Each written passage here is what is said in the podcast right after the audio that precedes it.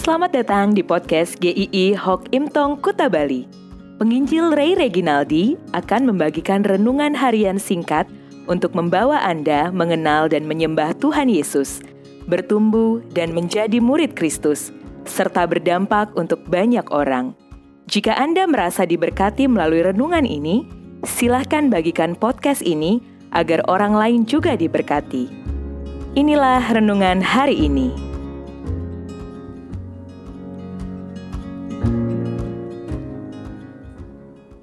Tuhan yang mencari. 1 Timotius 1 ayat 15. Perkataan ini benar dan patut diterima sepenuhnya. Kristus Yesus datang ke dunia untuk menyelamatkan orang berdosa. Dan di antara mereka akulah yang paling berdosa. Seorang ayah bernama Gogang Tang kehilangan anaknya yang bernama Go Sinchen saat itu anaknya berusia dua tahun. Diketahui anak itu diculik dan dijual. Maka sang ayah ini tidak tinggal diam. Dia mencari anaknya berkeliling China menggunakan motor sambil membawa spanduk bergambar anaknya. Berapa lama dia mencari? Selama 24 tahun dia mencari. Sampai akhirnya polisi menemukan kecocokan DNA sehingga Gangtang bisa bertemu kembali dengan anaknya.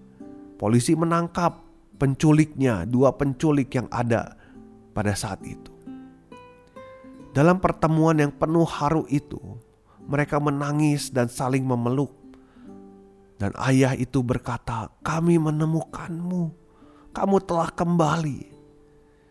Betapa luar biasanya cinta sang ayah yang tidak menyerah mencari anaknya dan betapa bahagianya dia ketika anaknya itu ditemukan dan kembali. Tuhan juga tidak pernah lelah untuk mencari kita. Tuhan tahu kita tidak akan bisa kembali kepada Bapa kalau Dia tidak mencari kita yang berdosa ini. Mungkin hal ini sering kali terdengar begitu biasa di dalam telinga orang Kristen tetapi ini adalah penekanan yang sangat penting dari Rasul Paulus. Kalau kita perhatikan, ini adalah frase yang penuh dengan penekanan dari Rasul Paulus. Dia berkata, "Perkataan ini benar dan patut diterima sepenuhnya." Ini seperti Rasul Paulus mengatakan, "Stabilo bagian ini, garis bawahi Timotius bagian ini, tulis di notes sampai kamu bagian ini."